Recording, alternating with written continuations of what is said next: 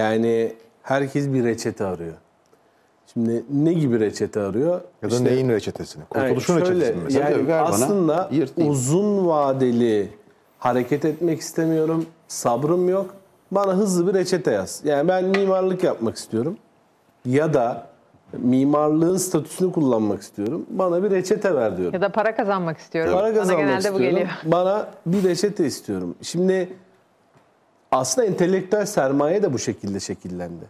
Şimdi baktığınızda şu anda kitapların çoğu da böyle. Yani 10 adımda hayatta kalma, 10 adımda işte tarot, 10 adımda astroloji, 10 adımda mutluluk.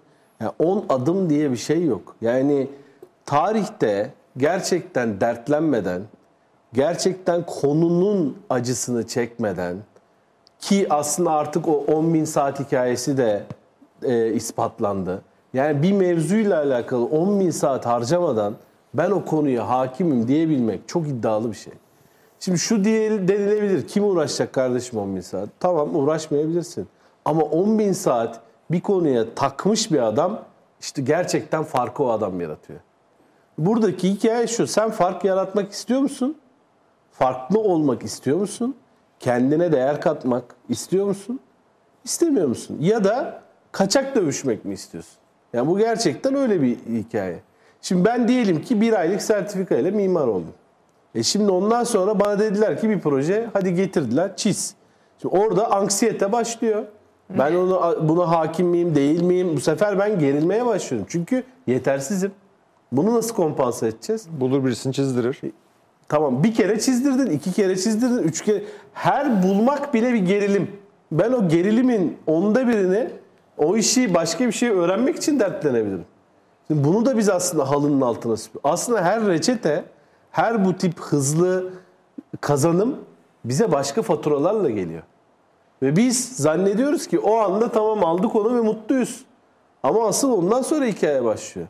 Şimdi bir konuyla alakalı 10 bin saat mimarlık yapmış bir adamın ya işte spesifik aldığı bir soruya ya da spesifik aldığı bir göreve tarzı, tavrı, rahatlığı, özgüveniyle bir aylık almış adamın gerilimi çok daha farklı.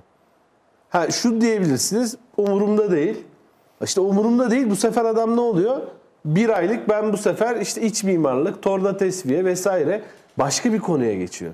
Biz aslında anları zaplıyoruz sürekli. Yani çünkü benim o anda kalmaya mecalim yok. Sabrım da yok. Mimarlık olmadı mı zaplıyorum. İşte data science, işte veri analistiğiyle alakalı bir sertifika alayım diyorum.